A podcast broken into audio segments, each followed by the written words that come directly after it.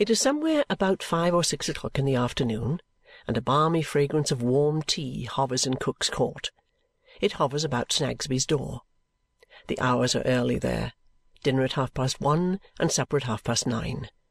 Mr. Snagsby was about to descend into the subterranean regions to take tea when he looked out of his door just now and saw the crow who was out late. "Master at home?"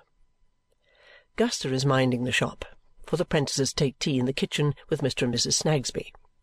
Consequently, the robe-maker's two daughters, combing their curls at the two glasses in the two second-floor windows of the opposite house, are not driving the two prentices to distraction, as they fondly suppose, but are merely awakening the unprofitable admiration of Guster, whose hair won't grow, and never would, and it is confidently thought never will. "Master at home?" says Mr. Tulkinghorn. Master is at home, and Guster will fetch him. Guster disappears glad to get out of the shop, which she regards with mingled dread and veneration as a storehouse of awful implements of the great torture of the law, a place not to be entered after the gas is turned off. Mr. Snagsby appears, greasy, warm, herbaceous, and chewing, bolts a bit of bread and butter, and says, "Bless my soul, sir, Mr. Tulkinghorn!" "I want half a word with you, Snagsby." "Certainly, sir.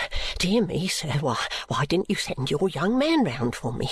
Pray walk into the back shop, sir." Snagsby has brightened in a moment. The confined room, strong of parchment grease, is warehouse, counting-house, and copying office. Mr. Tulkinghorn sits, facing round, on a stool at the desk. "Jarndyce and Jarndyce, Snagsby?" "Yes, sir. Mr. Snagsby turns up the gas and coughs behind his hand, modestly anticipating profit. Mr. Snagsby, as a timid man, is accustomed to cough with a variety of expressions and so to save words. "You copied some affidavits in that cause for me lately?" "Yes, sir, we did."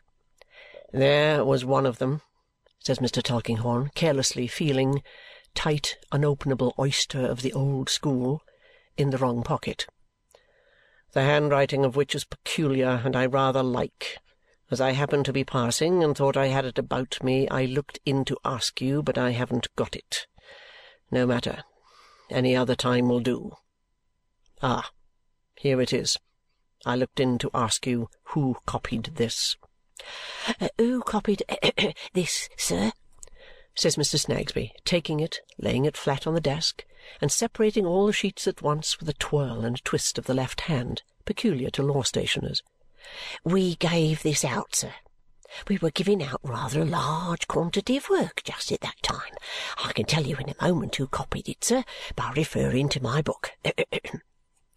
Mr. Snagsby takes his book down from the safe, makes another bolt of the bit of bread and butter, which seemed to have stopped short, eyes the affidavit aside, and brings his right forefinger travelling down a page of the book.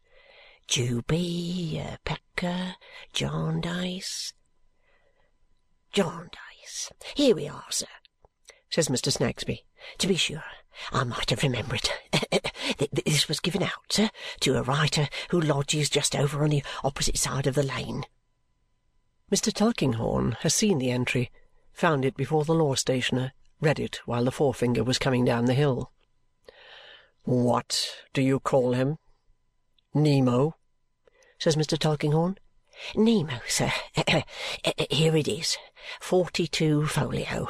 Given out on the Wednesday night at eight o'clock. Brought in on the Thursday morning at half after nine. Nemo, repeats Mr. Tulkinghorn. Nemo is Latin for no one. It uh, uh, must be English for some one, sir, I think. Mr. Snagsby submits with his deferential cough. it, it, it is a person's name. Here it is, you see, sir. Forty-two folio. Given out Wednesday night, eight o'clock. Brought in Thursday morning, half after nine. The tail of Mr. Snagsby's eye becomes conscious of the head of Mrs. Snagsby looking in at the shop door to know what he means by deserting his tea. Mr. Snagsby addresses an explanatory cough to Mrs. Snagsby, as who should say, "My dear, a customer." "Half after nine, sir," repeats Mr. Snagsby. Ah, law writers who live by job work are a queer lot, and this may not be his name, but it's the name he goes by. I remember now, sir, that he gives it in a written advertisement he sticks up down at the Rule Office and the King's Bench Office and the Judges' Chambers and so forth. Uh, you know the kind of document, sir. Wanting employ.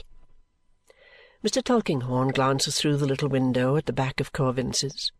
The sheriff's officers, where lights shine in Coavinses' windows. Coavinses' coffee room is at the back, and the shadows of several gentlemen under a cloud loom cloudily upon the blinds. Mr. Snagsby takes the opportunity of slightly turning his head to glance over his shoulder at his little woman and to make apologetic motions with his mouth to this effect, Tulkinghorn rich influential. "Have you given this man work before?" asked Mr. Tulkinghorn. "Oh, oh dear, yes, sir. Work of yours." "Thinking of more important matters, I forget where you said he lived." "Across uh, the the lane, sir. In fact, he lodges at a Mr. Snagsby makes another bolt, as if the bit of bread and butter were insurmountable. At a rag and bottle shop. "Can you show me the place as I go back?" "Oh, with the greatest of pleasure, sir." Mr. Snagsby pulls off his sleeves and his grey coat, pulls on his black coat, takes his hat from its peg. "Oh, here is my little woman," he says aloud. Uh, "My dear, will you be so kind as to tell one of the lads to look after the shop while I step across the lane with Mr. Tulkinghorn? Uh, Mrs. Snagsby, sir. Uh, I shan't be two minutes, my love." Mrs. Snagsby bends to the lawyer, retires behind the counter, peeps at them through the window blind, goes softly into the back office, refers to the entries in the book still lying open, is evidently curious. "You will uh, find the place is rough, sir," says Mr. Snagsby, walking deferentially in the road and leaving the narrow pavement to the lawyer and the uh, party is very rough. But they're a, wild lot in general, sir. The advantage of this particular man is that he never wants sleep. He'll go at it right on end if you want him to, as long as ever you like. It is quite dark now, and the gas lamps have acquired their full effect jostling against clerks going to post the day's letters, and against counsel and attorneys going home to dinner, and against plaintiffs and defendants and suitors of all sorts, and against the general crowd, in whose way the forensic wisdom of ages has interposed a million of obstacles to the transaction of the commonest business of life. Diving through law and equity, and through that kindred mystery, the street mud, which is made of nobody knows what, and collects about us nobody knows whence or how, we only knowing in general that when there is too much of it we find it necessary to shovel it away. The lawyer and the law stationer come to a rag and bottle shop and general emporium of much disregarded merchandise, lying and being in the shadow of the wall of Lincoln's Inn, and kept, as is announced in paint to all whom it may concern, by one Krook. "This is where he lives, sir," says the law stationer. This is where he lives, is it? Says the lawyer unconcernedly. Thank you. Are you uh, not going in, sir? No. Thank you, no. I'm going on to the fields at present. Good evening. Thank you. Mr. Snagsby lifts his hat and returns to his little woman and his tea. But Mr. Tulkinghorn does not go on to the fields at present. He goes a short way, turns back, comes again to the shop of Mr. Krook, and enters it straight. It is dim enough, with a blot headed candle or so in the windows, and an old man and a cat sitting in the back part by a fire. The old man rises and comes forward with another blot headed candle in his hand. Pray, is your lodger within? Male or female, sir? says Mr. Krook. Male. The person who does copying. Mr. Krook has eyed his man narrowly, knows him by sight, has an indistinct impression of his aristocratic repute. Did you wish to see him, sir? Yes. It's what I seldom do myself, says Mr. Krook with a grin, Shall I call him down? But it's a weak chance if he comes, sir. I'll go up to him, then, says Mr. Tulkinghorn. Second floor, sir. Take the candle. Up there. Mr. Krook, with his cat beside him, stands at the bottom of the staircase, looking after Mr. Tulkinghorn. Hi, hi, he says when Mr. Tulkinghorn has nearly disappeared. The lawyer looks down over the handrail. The cat expands her wicked mouth and snarls at him. Order, Lady Jane. Behave yourself to visitors, my lady. You know what they say of my lodger? Whispers Krook, going up a step or two. What do they say of him? They say he has sold himself to the enemy, but you and I know better. He don't buy. I'll tell you what, though. My lodger is so black-humoured and gloomy that I believe he'd as soon make that bargain as any other. Don't put him out, sir. That's my advice. Mr. Tulkinghorn, with a nod, goes on his way. He comes to the dark door on the second floor. He knocks, receives no answer, opens it, and accidentally extinguishes his candle in doing so. The air of the room is almost bad enough to have extinguished it if he had not. It is a small room, nearly black with soot and grease and dirt. In the rusty skeleton of a grate, pinched at the middle as if poverty had gripped it, a red coke fire burns low. In the corner by the chimney stand a deal table and a broken desk, a wilderness marked with a rain of ink. In another corner, a ragged old portmanteau on one of the two chairs serves for cabinet or wardrobe. No larger one is needed, for it collapses like the cheeks of a starved man. The floor is bare, except that one old mat, trodden to shreds of rope yarn, lies perishing upon the hearth.